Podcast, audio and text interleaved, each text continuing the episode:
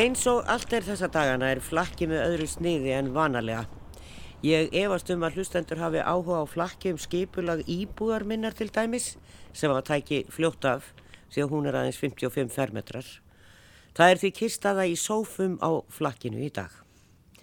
Skipulag borga og bæja á Íslandi er í raun ekki nema rétt og rúmlega 100 ára gamalt hér á landi. Þjettbíli tók ekki að myndast á landinu fyrir um og upp úr 1900. Segja má að Guðjón Samúlsson arkitekt og Guðmundur Hannesson læknir hafi verið þeir fyrstu hér á landi sem að lögðu til teikningar af skipulagi. Bókin um skipula bæja eftir Guðmund Hannesson lækni árið 1916 held ég að sé rétt hjá mér, var endurútgefin hér á Íslandi árið 2017 og enn þann dag í dag er vitnað í hana. En um bókina segir Guðmundur sækir viðmið í kenningar sem voru að riða sér til rúms erlendis við upp af 20. aldar og hvaðu á um að skipulegja skildi bæi með tilliti til heilsu og velíðanar íbúana. Hann læði þó ávalt áhersla á að taka mið af íslenskum veruleika, nattstöðu, veðurfari og fleiru. Áhuga vekur að Guðmundur skuli hér fást við vandamál sem nú eru ofarlega á baui, svo sem þjættingu byggðar, líðhelsu, íbúa líðræði, skipula torga og fleira. Tilvitnu líkur. En til hvað sem skipulag? Borgir þennjast út og þjættast og breytast en geta borgir þróast án skipulags. Erum við að skipulagja á mikið? Hverjir eru kostur og gallar skipulaðar byggðar? Hvert er samhengið í skipulaginu? Breytir skipulag lífi fólks? Breytir skipulagsfræðin borgarmenningu? Getur við skipulagt kás? Hvar er fagurfræði óreiðunar? Er skipulagsleysi andstætt hagsmunum almennings? Getur skipulag útilokað hópa? Og hvernig getur skipulag lagt grunn að farsælu lífi borgarbúa? Þetta er eitthvað af því sem við ættum að ræða svo litið hér næstu 50 mínútunar eða svo. Tónlistin sem við heyrim í þættunum er flutt á jazzveitinni Annes en það eru þeir Ari Bregi Kárásson á trompet, flíilhorn og hljómborð, Jóel Pálsson tenor, saxafón, Guðmundur Pétursson gítar, Eithór Gunnarsson hljómborð og Einar Skeving trommur og slagverk. Í þremur atrenum ætlum við að ræða skipila í þættinum sem sagt Gestir eru Sigriður Magnúsdóttir, arkitekt hjá Tröð og Bjarki Gunnar Haldórsson hjá VAF-A, arkitektum. Velkomin. Takk. Takk. Og þar með hefum við leikin. Það er, það er þetta blessað upphaf sem ég held að sé einhvern veginn svona, ég er nú ekki fræðmaður og leikmaður í þessu öllu saman, en það eru eiginlega þeir Guðmundur Hannesson og, og Guðjón Samúlsson sem að hefja þennan leik, láreistar byggingar með sólríkum íbúðum og huguðu mikið að sólargangi hér á þeim tíma. Það voru nú yfirlt ekki mikið hærri hús en þrjár hæðir. Já, ef það náðu því. Já. Ef það náðu því. Um, ótrúlega skemmtilega þessi bók hans Guðmundar Hannesson ég einmitt hendi mér í það að lesa hana eftir að þú baðst maður um að, hérna, að fara í þetta viðtal og, og hvaðan er að mörguleiti bara enn sko, gildur enn gildur, já, já, já. og margt sér hlægilegt sko, sem hann gerir en, en í grunninn er þetta allt það sama sko, og hann, það er alltaf einhverja forsendur sem liggja til grundvallar þegar maður er að gera skipulað já. og bæir byggjast upp í kringum atvinnustarfsemi. Að það eru atvinnuhættir á hverjum tíma sem svolítið ráða því hvernig bæirni mótast. Og þegar þeir eru hérna að hefja sín fyrstu skref í skiplaskell Guðmundur og Guðjóna að þá þá erum við að fara úr sveitamenningunni og byrja inn í borgamenningunni og auðvitað langt, langt og eftir öllum, öllum þjóðum. Menn þetta er bara hundra ár síðan. Já, ha? það er ótrúlega stöðt og ótrúlega tókstreita á milli borgar og sveitar eða bæjan og sveitana. Sveitafólki leit niður á bæjarlíðin þorparana yðjulösa auðmingja en, en Guðmundur hann einhvern veginn sínir fram á það að, að það sé eða miklu meira hagsælt í borgunum og það byggir auðvitað á fiskveðunum. Já, já, já og ímest það sem kemur til hérna í byrjun síðustu aldar þannig að fólk fór og gatt fengi vinnu og var náttúrulega vistarböndum var aflétt og fólk var frjálst ferða sinna. Já. Þannig að það breyttist mjög margt á Íslandi. Hefur þú eitthvað skoðað svona aftur í tíman? E, já, ég hef þetta skoðað svolítið e, þessa bók sem Sigur er að tala um. Og ég, raunir, tek undir þetta með mikilvæg þessara bókar e, og það sem er svolítið skemmtilegt samt við hana er til dæmis í rauninu hún er skrifið þarna kannski þegar við erum loksins að, að þró ekkur þéttbíli á Íslandi. Já. en á sama tíma í rauninu verið þá kannski þá voru náttúrulega komið þéttbíli í Evrópu. Og þá var mikil svona spurning um í rauninu að veist, þessi þéttbíli þar voru að verða þétt þess vegna í rauninu voru menna að reyna svona svolítið að draga úr þéttleikanum. Menn á Íslandi þá fóru við að reyna að búa til smá þéttleika til að sjá í rauninu gæðin í því að, að búa saman að, að nýta innviði og þess aftar og þeir, og hann alltaf og, og í þessar bók, hann alltaf svo skemmtilega sínir svona einföld prinsip um hvernig á að búti götu.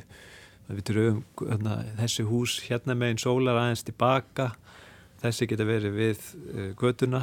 Með gardin hýrinu meginn já, og, og svona já. og, og það er svo margt skemmtilegt svona, skemmtilegt svona í þessar bók af því að þú veist það er raun og veru bara kannski kemur inn á að skipilarsvæði eru svo litil svona e, þú veist við þurfum að beita ákveðinu einföldu higgjuviti bara, bara að horfa á veðrið e, bara þessi einföldu hluti eins og sól og vind Já. og hvernig við lögum okkur að því. Og raun og veru þannig að þú veist en maður segja að sum svona prinsip í þessar bók eigi við í dag? Já. Stundum Já, Já kannski gleymustundum en, en á þessum tíma samt hérna svona fram eftir öldinni síðustu að þá byggði fólk nánast það sem við síndist, það var ekkert skipula og, og það var reyndar skapaðis mikill markbreytilegi og, reyndar finnst okkur búið gaman að, að skoða þessi hverfi sem að kannski ekki holtið eða gaman að fara í holtið vegna mm. það er nú skipulagt þarna einmitt af þessum mönnum mm. e, fjölninsvegurinn og, og þær götur en hinum megin við njarðagötu vestan megin, mm. þar sér maður óreðina, mm. þar var greinlega fólk að byggja bara litum efnum lítil hús og e, við sjáum þetta þessa óreiðu í, í gamla miðbænum hér í Reykjavík og svo í hlut af Kópavogi í Hafnafyrði mm. Mm.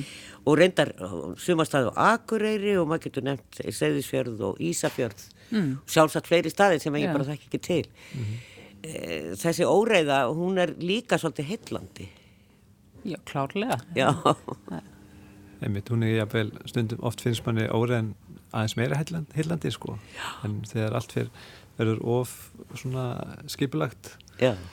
Uh, en þó, þó hvoru tveikir sé spennandi sko. Já. en uh, það er rétt.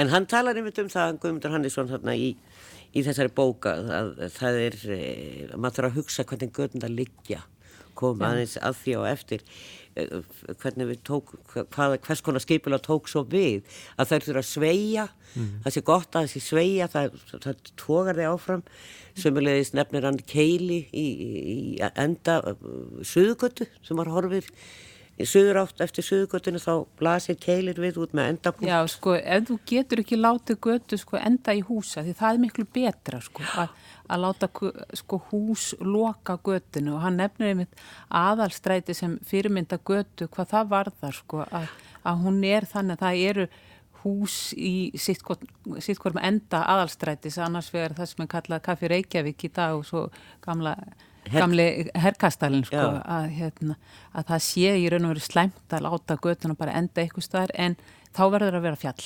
Já, þá verður að vera fjall. Það getur svolítið erfitt að velja velja um það. En, en það eru eins og ég segi þetta er, eh, einhvern veginn er það tilfinning mín að fólk hefur meira gaman að því að ganga um þessar gömlu götur heldur en inn í nýjum hverfum, hvað teljið Ég, það er kannski í raun og veru, það er þjertleikin kannski sem er miklu meiri í gömlugötunum heldur en nýju hverfunum að, að, hérna, að það er bara stittur á milli húsana sem gerir hérna, ferðina kannski áhugaverðari heldur en. Já, Já emitt, það er þessi þjertleiki og sko eh, sjálfum finnst mér gaman að gangi í flestum hverfum í borginni, mér finnst bara borgin að mörguliti svona skemmtileg eh, viðast hvar. Uh, en í raun og veru það er náttúrulega líka raun og veru þú veist að byggingarnar á þessum tíma voru bara miklu nær götunni. Þú veist það voru önnur svona viðmið um sko nálað og svona engarými og ofinberstrými af því að þú veist bærin alltaf það voru miklu miklu færri í Reykjavík á þessum tíma. Og því raun og veru var þetta þú veist var það eitt svona hverfi eins og vestan njörðagötu bara eins og eitt stórt heimili Já. Mm. en í raun og veru þegar hérna, fólki fyrir að fjölga þá veginn, breytast stundum þessi viðmið en þetta er raun og veru viðmið sem við erum eiginlega alltaf að eiga við í arkitektur í raun og veru hvar byrjar engarímið og hvar endar ofinbærarímið mm. þannig að það er alltaf, það er alltaf spennandi að stúdira það. Já, mm. en þetta var líka mikið líðhelsumál hjá Guðmundi, hann var alltaf læknir en hafði svona mikið áhuga á byggingalist og, og teiknaði meðal annars sitt eigið hús mm. í Ingólstræti mm. á hotni Ingólstrætis og, og, og hverfiskötu þar sem hafi nú verið rekin veitingahús síðustu árin en mm. þar var hvenna atkvarður endar um tíma og uh, hann náttúrulega kom ímsu til leiðar hér í sambandi við heilbriðismál og það, það var honum mjög huglegið merkilegu kall. Mm. Já, það virðist vera einmitt á þessum tímum sko að þá hafi heilbriðsfræði verið þá mjög líka tengd sko skiplags og mannvirkjagerð að hérna að það hvort að jáfnvel eins og kemur fram í lókbókarinnar að, að þetta sé bara einn þátturn í læknisfræðinni að, að kynna sér sko skiplagsgerð Nákvæmlega. En það sko, var lift grettist taki heilbriða almennings í byrjun síðasta aldar með, með beittu skiplaði borga. Það er ja. alveg ljóst sko. Og menn voru að sína fram á þessar svo kallu sveitabæir eða garden cities að, að þar var heilbriða almennings miklu, miklu meira heldur en inn í borgunum. Ja. Þar sem fólk var með nær grænni náttúru og, og var bara meira loft og ljós og allt þetta. Já. Mm. Við vorum kannski laus við það, við vorum náttúrulega með kamera og annað en maður sér í Erlandu borgun þar sem að klóstin voru líka út í gardi og, og, og, og í löndum eins og bara borga eins og kaupmannahöfna því ég bjónum lengi þá sagði ég nú oft í gríni að eh, Danir hefði ekki fattað að klóstin ætti að vera inni fyrir 1985 hérna, og þeir eru svona rétt búinir að ná því að allir eru konu með hreinlegatis aðstöðin í sínum íbúðum, í gamlu íbúðum og þá eru yfirlega ekki baðarbyggi eða sérst að hérna, maður gæti ekki baða sig. Maður gæti fara á klósett en, en það, maður þurfti að fara á baðhús og þetta er bara í byrjun og, og allan nýjönda áratugin Já, það er, þetta byggðist upp hansi mikið í Evrópu í lok 19. aldar og fram á 20. stöld og menn voru þetta ekki komnir með klósetti þá sem eitthvað eitthvað sem almenningur ætti að hafa. Það var bara allra ríkasta fólki sem hafi það hjá sér sko. Já, já, það var písaði klósett hér. Já, það var klósettir fólk var að koma úr hverfinu. Við auðvitað bara stökkum beint úr torbænum og, og inn í bara steinsteft hús með klósetti sko þannig að kannski já. þetta millibils ástand Jú, jú, auðvitað var, var heilmikið hérna timbrúsa byggð á Íslandi líka hérna í byrjun aldarinnar og, og kamrar úti og annað Nákvæmlega. Við skulum snú okkur aðeins að nútímanum hér eftir að við heyrum í hljónstinni Annes.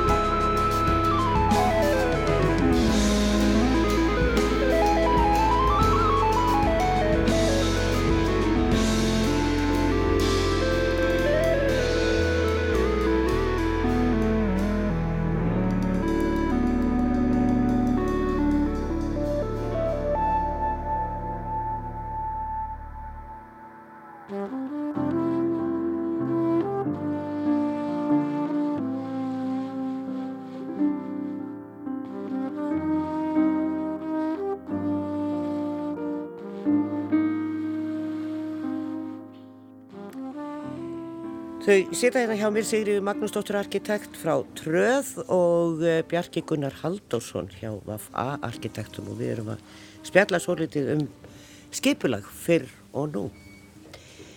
E, sko, te það tekur við eiginlega svona, alltaf á stríðsárunum þá bara hrinur hér inn fólk inn á höfuborgarsvæðið vegna atvinnu og, og úr sveitunum og mikill húsnæðiskortur og við byrjum svona stoltir hratt að byggja svona kannski um og upp úr stríði. En þá er skipilagt mjög mikið og maður sér það í þessum hverfum sem eru byggð þá að þetta eru ferkantaðar götur.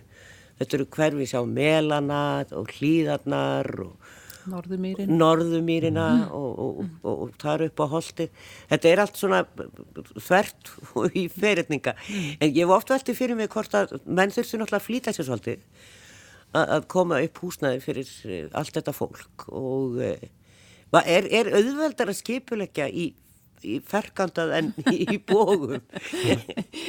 í sjálfu sér ekki en, en það er kannski að landið segir líka auðvitað sitt sko að til dæmis að maður tekur þingkoltin sem dæma þá erum við auðvitað með holdið og þá er svona eðlilegt að leggja kannski götnara megin hlutanum svona í hæðarlínunni og í bunkunum meðfram og þá liggur þetta svona náum fram þessum svegðu götu sem, sem Guðmundur svona mælir með en En þannig erum við bara í mýra og tiltölega svona bara einhalla land og, og svona lítið að gerast.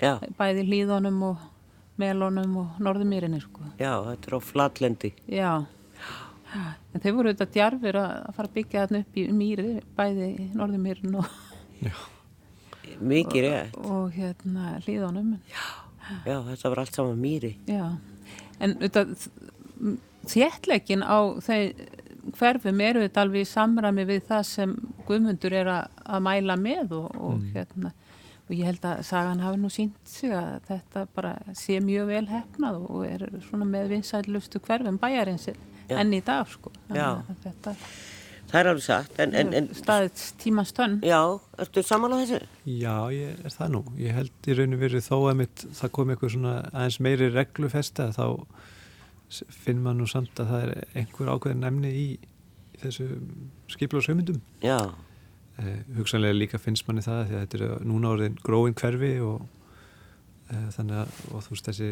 og það er svona kannski brítur aðeins upp uh, regluna. En enga síður held ég samt að veru, veist, það, eru, veist, það eru góð hlutföll einhvern veginn í umhverfinu bara stær bygginga við götu og þannig að það næra verða svona intímt. Já Þetta eru oft lítil fjölbílisús mm. meðan við hvað er hægt að byggja stór fjölbílisús mm. Og það er alltaf garðar. Mm. og mér finnst það stundum svolítið sérstækt á Íslandi að við erum alltaf með þessa garðar sem að tilhæra hverju húsi mm. sem að í staðin fyrir að byggja mikið í randbyggð sem við erum svolítið að fara að eldast við núna. Mm. og erum að sjá í þessum nýju hverfum að það eru randbyggðir.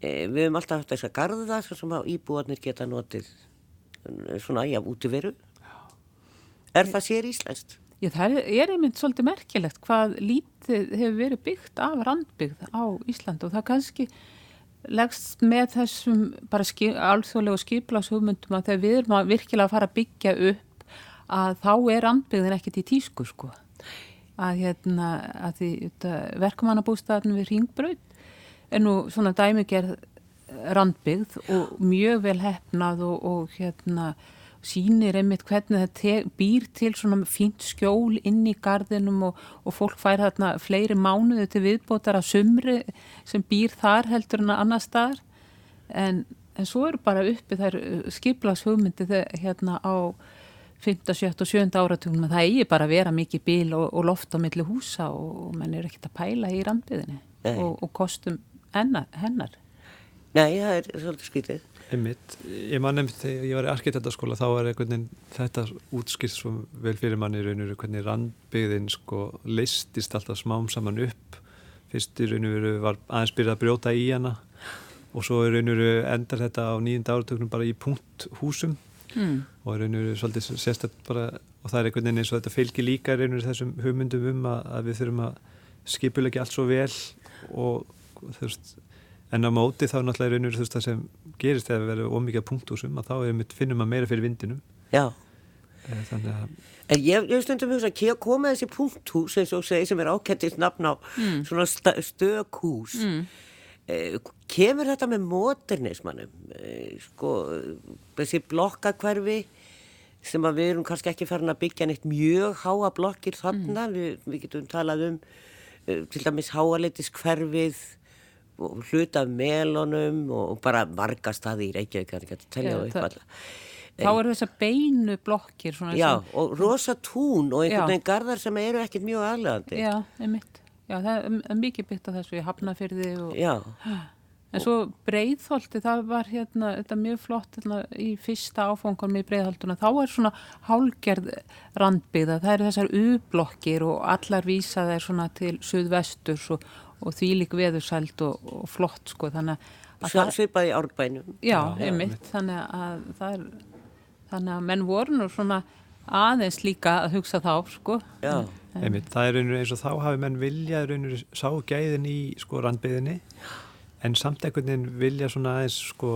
þú veist, brjótana smá upp og, og einhvern veginn þannig það var svona einhvern veginn fyrsta brotið og svo fara mótinu sko blokkinar, þú veist, þær eru alveg sko beinar og mynda sko klárt rými en sem rými samt eins og þú segir sko sem nær einhvern veginn ekki svona flugi hvað líf varðar líklega kannski að því að þú veist, enginn vissi kannski í blokkinu hvernig ætti að reka það En- Já, einmitt, hver átti þetta rými? Sko? Einmitt, það var eiginlega kannski Já. það sem í raun og veru gerðist á tíma móterinismanns að í raun og veru bara hvert er rýmið okkar og hvert er alminnsrýmið okkar það var svona í raun og veru fólk fór svolítið að missa tökin á því já, af því að, að með hennar randbyðin í raun og veru hún, hún var, það var svo skýr fókus inn á við að það í raun og veru var eins og það var miklu auðveldur að, að þetta var samfélag hér og svo í raun og veru fyrir utan randbyðina það var bara gata sem var bara net af öðru stærra samfélagi já, þannig að þú veist, það er einhvern veginn þau mörg voru nokkuð skýr en svo er raun og veru þú veist, fara einhvern veginn þú veist, þegar þetta fer svona að brotna upp þá einhvern veginn veit fólk ekki alveg stundum hvað það er að stíða sko nei.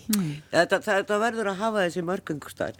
En, en það er kannski, svo við tölum að kannski aðeins um estetíka, þá, þá er modernismin, svona finnst mér fyrst og fremst mjög praktískur. Mm. Og það þurft að byggja hratt og, og hérna, og bara búa- koma inn, íbúðunar eru margar hverja mjög fínar, mm. rúmgóðar og flottar íbúðir. En e, það var kannski ekkert verið að hugsa kannski mikið um mannfólkið í þessu skipulagi sem að við svona kannski erum að hugsa meirum í dag eða hvað? Ég held, sko, það, ég held að það sé ekki alveg rétt en menn hugsaðu bara öðruvísu um mannfólkið á þeim tíma. Að, því, ein- einmitt eins og þú segir þeir, það, það voru gerða mjög fallegar og fínar íbúðir. Þannig að það er verið að hugsa um fólkið en, en svo ke, svo er alltaf upp einhver svona hugmyndafræða um, um hérna almannarímið og, og það breytist svolítið í gegnum tímans þrás og, og bara þarna á mótinismannum að, að þá vorum við kannski aðalega að hugsa um, einmitt að um bílinn að bílinn var auðvitað hérna lausnin á Öll. öllu og hérna hugsið ykkur sko þegar þetta nýja aðalskipulag fyrir Reykjavík sem var svona fyrsta stóra aðalskipulagi hérna 62 til 83 að þegar það er svona samþygt að þá bara örfam árum áður hafi verið aflétt því banni eða sem sagt menn þurft að sækja um sérstætt leifi til þess að, að fá að flytja inn bíl. Já, En svo, svo bara ákveða stjórnvöld í Reykjavík að byggja upp svona eina öflugustu bílaborg bara sem um getur og, og leggja alla þá innviði sem þarf til þess að keira þessa miklu bílaborg og fóra hans í langt. já, það er nefnilega málið. Þetta er eiginlega kannski í raun og veru innreið bílsins að því að kannski mótiniska hugmyndin hún er og veru náttúrulega svolítið, er einhvern veginn svolítið tæknileg eða svona velræn um hvernig við hefum að nota borgina. Eh, en svo er svolítið áhugavert fyrst mér samt eins og þessu mótinsku blokkir í Reykjavík fyrst mér margar hverju mjög fallegar. Þegar maður svona rínir alveg í þær og skoða þær en það sem kannski mitt gerist er að raun og veru sko, að, að með bílnum veist, þetta við ætlum að vera svo skilvisk og fara satt á milli þá missum við tengslinu raun og veru þú veist þá bara hins gangandi manns við götuna já, Mm. að þá er raun og veru sko hann einhvern veginn, þú veist, fólk mætist ekki lengur svo mikið við götuna á gangi og að því það er bara fyrir inn í bílinn og, og þannig að raun og veru og það er einmitt þetta er þessu svolítið upplöst almennings, almennir íminsins. Já, fólk veginn missir svona rýmisgrendina sko, að, að hún, hún hefur svolítið glatast sko, mm. að hvað... En sko ég held að sko þegar maður skoða mörg svona mótinísk verkefni, þú veist bara bæði hér og, og erlendis að þá er samt sko, alveg oft mikil húmanismi í gangi, þú veist þá er oft verið að reyna veist að búa til eitthvað svona eh, samfélag, eh, eitthvað svona með þess að gödulíf bara allt annan hátt. Þá kannski þú veist er alltaf búið til eitthvað svona gata og svo samt undir er alveg flenni stór bílakellari kannski. Já. Eh, Þannig og svo ég sá, sá eitt svoleið stæmi í Sagreb núna í, í haust það fóru við í stofuferð það var alveg svona sko blokk sem var alveg sko risastór með svona 5.000 íbúum og hérna en þessi blokki mitt samt náði því að, að búi til samfélaga þegar hún bara bjóði samt til svona smá götu fyrir ofan smá bílakjallara Já. og þar voru bara kaffihús og bara alveg svo maður svona óskar eftir í svona gammalli evróskri borg mm. Og í raun og veru var þetta samfélag sko sem virkaði. Já.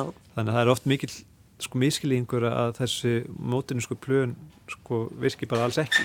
Það er alveg hægt að finna dæmi það sem þau gera og þannig mér finnst þetta svona sko umræðinu mótinismann finnst mér miklu dýnamiskari og áhaverðari en bara að þetta var eitthvað plan sem virkaði ekki. Já, og þetta er ljótt eins og margir segja. Já, Já.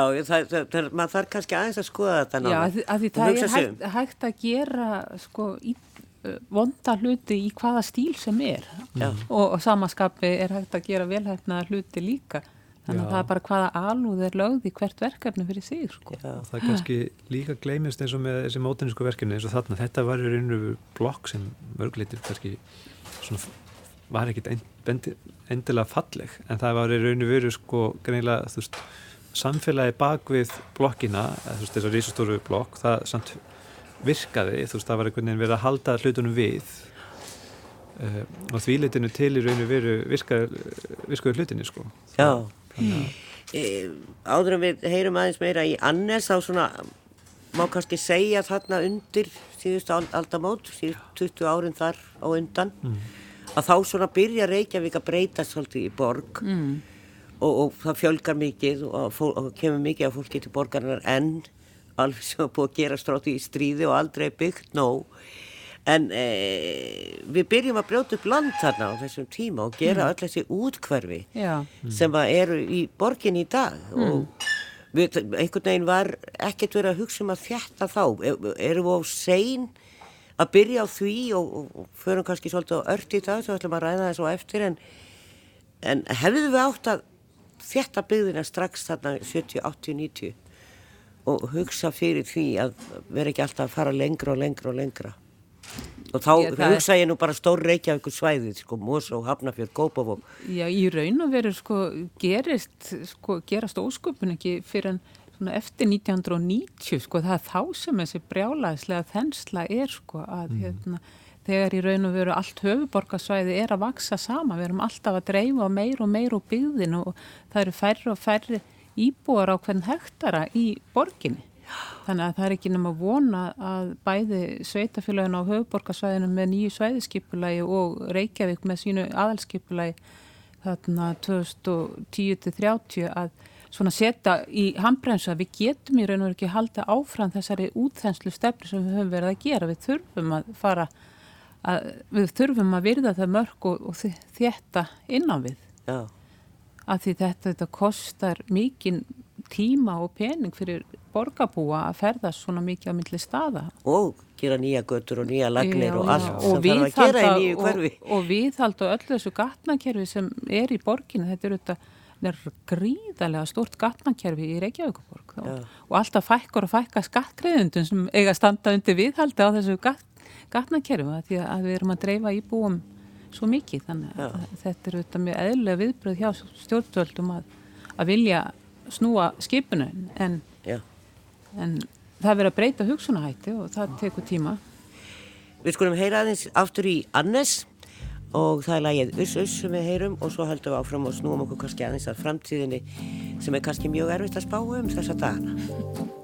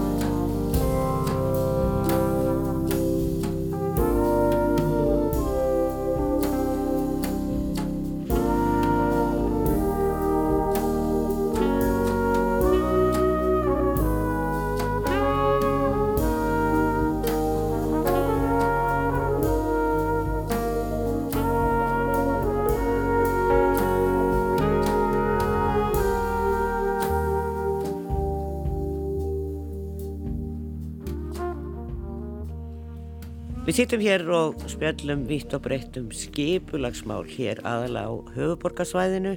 Sitta hjá mér Sigriður Magnúsdóttir arkitekt og Bjarki Gunnar Halldórsson arkitekt.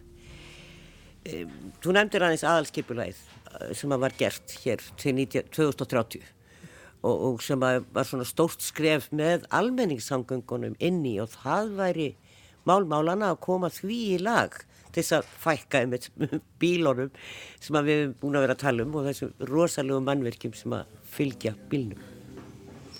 Já, einmitt. Ég, ég tek undir, undir þetta hjá Sigri að, að, að þetta aðarskipulag sem er núna, það er mikið skref fram á við Já. og raun og veru bara mjög spennandi raun og veru þú veist, möguleikar með að þjætta borgina, minna, þú veist, eins og nefnd er að við notum skattpenningin betur og, en í raun og veru líka bara svona litli hlutir kaffihús og svona hlutir þeir auðvitað þrýfast betur ef það er meira fólk. Já, og öll fyrirtæki þar sem að fólki er nálagt mm. og hérna þannig að raun og veru það er bara og það er, og ég held að það er það sem fólk mun alltaf áfram sækjast eftir, það er eitthvað, eitthvað svona mannlíf. Já. og í raun og veru það er mjög flott í raun og veru ef, ef bara þessi hverfi sem eru svona kannski bara fleiri hverfi en bara þetta miðsvæði kringum miðbæin þú veist fara að dafna. Að því að, að í raun og veru þau hafa alveg svona möguleika á því. Að því maður getur þrátt verið allt sagt að, að því að það er allt svo rosalega skipulagt og svona að þá er og veru, erum við alltaf með eitthvað grunn til að, að þjætta og, og að byggja ofan á því sem er búið að gera Já. þó að okkur hafa kannski fundist sko oft eins og það hafi verið ofst svona strjábílt Já, en það er eitt sem að gerist þarna líka því við vorum svona, komumst eiginlega ekkert í framtíðin en það held ég að verði, verði eiginlega ekkert að spá um hana á þessar stundu en við sjáum til en, Jú, en það er framtíðin Já, það er, það, við byrjum alltaf að byggja þessi rosalegu háhísi þarna upp úr 90 líka í Já. þessu blessaða búmi og Já. fáum hérna, blokkirnar á skúlagötunni og höfðatorkið og erum með komið með einhverja New York byggingar hérna nýri hérna norðanverða Reykjavík og, og já ég veit ekki þetta var, síðan var bara eftir hruni þá vildi enginn hafa þetta lengur. En Já. samt erum við enn að, að þessar nýbyggingar sem eru að koma við erum komin hærra.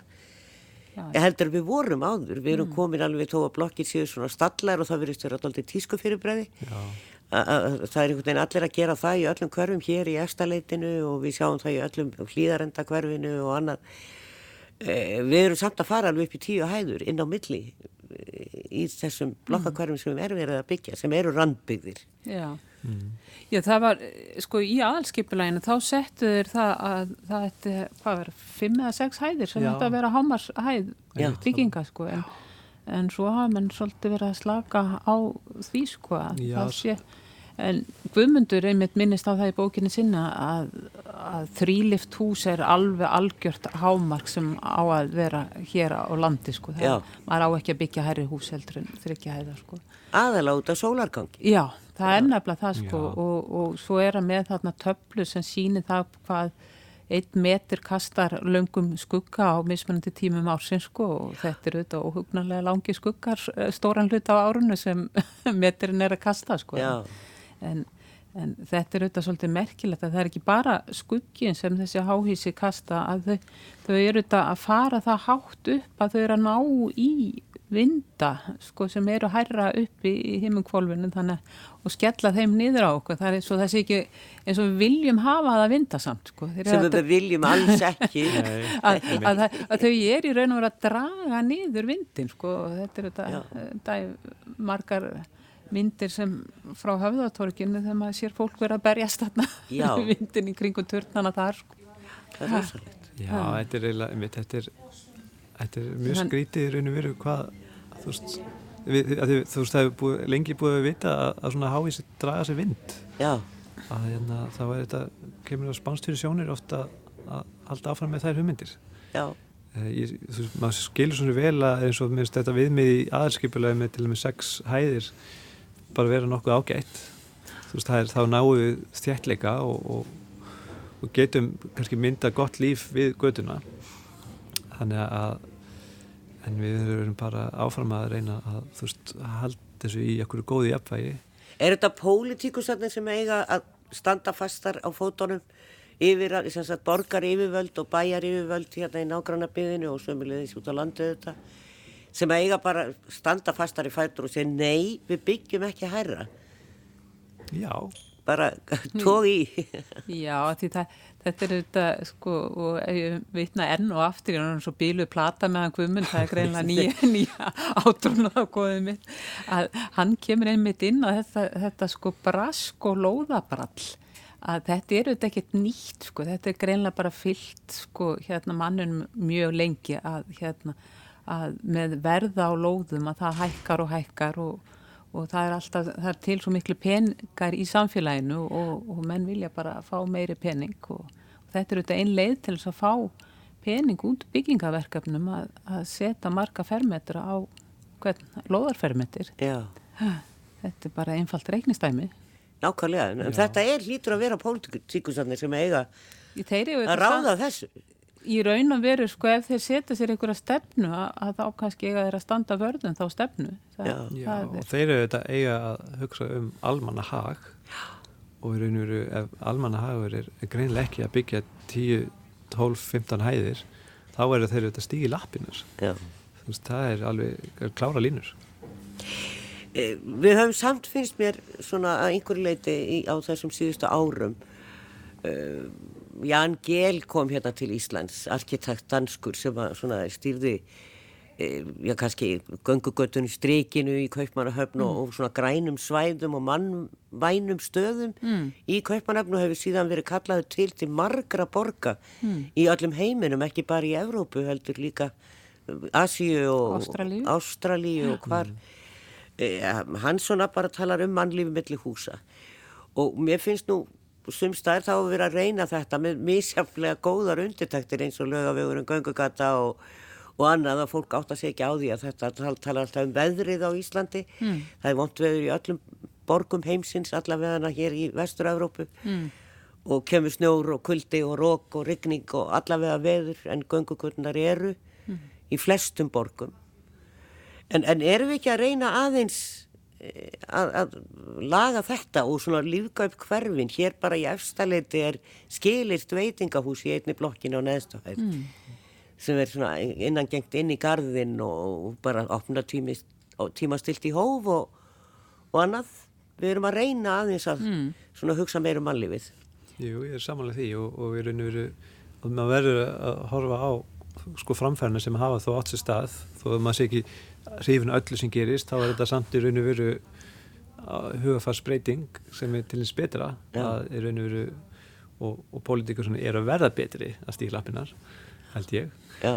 Uh, og ég held í raun og veru svona, og það er svona mjög, náttúrulega margi sem eru með klindir til að minns göngugötu á löguvegi þó oft svona í fjölumilum þá í raun og veru byrstast fréttir um eitthvað sem er á mótið í en það er svona, ég býsi alveg nýri bæ og, og það er enginn sem eitthvað ringir mig og spyr mig hvað mér og, og dóttur minni finnst. Nei. okkur finnst það auðvitað frábært að, að bara lappa lögvein e, þegar hún er bílis Hún er gangugata í dag, maður aðeins fara í framtíðina. Mm. það er einhver bílar og svo að segja umferðin hefur mikað alveg gríðilega og við komumst hérna aðeins í framtíðina bara hörst upp í rauninni.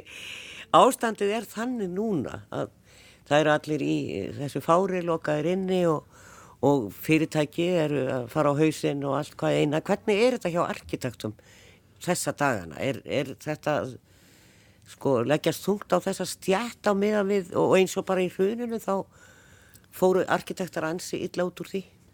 Já, þetta er auðvitað allt, allt annars konar staða sem er núna heldur en í, í hrunnu og kannski mitt arkitektan fóru af mörgum stjættum einna vest út úr hrunnu en, en núna eh, held ég það hefur auðvitað verið samdráttur hjá arkitektum allt síðasta ár.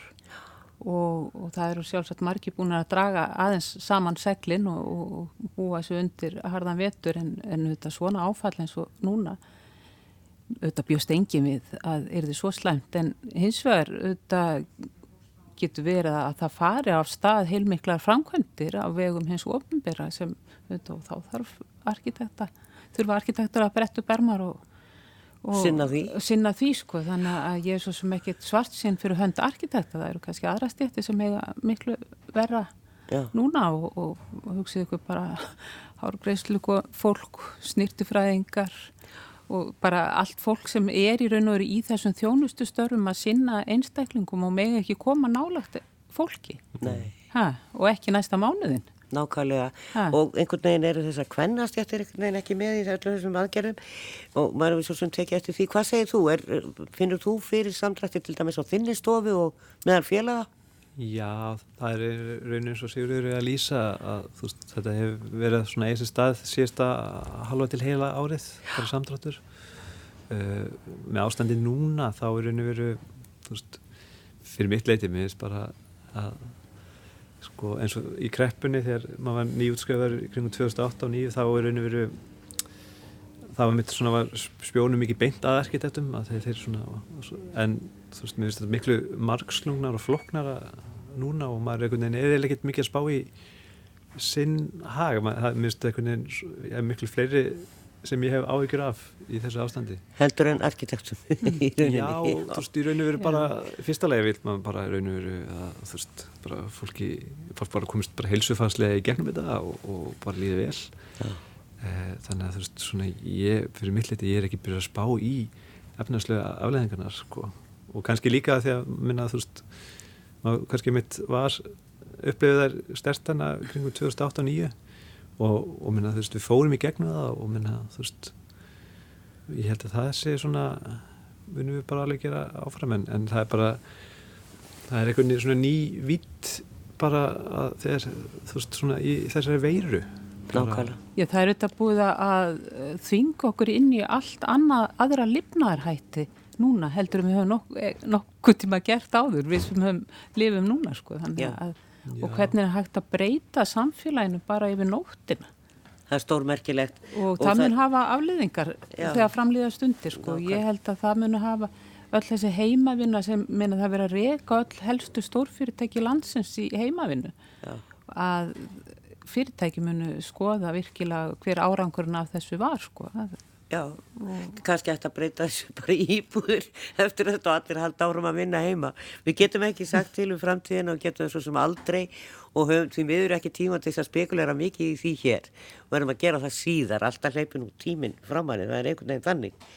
En e, þau sem sátu hérna hjá mér núna og voru að ræða um skepulag svona vítt og breytt voru þau Sigriður Magnúsdóttir arkitekt frá Tveiknistofinni Tröð og Bjarki Gunnar Haldursson hjá Vafa Arkitektum. Takk og kærlega fyrir. Já, takk. Kærlega ekki.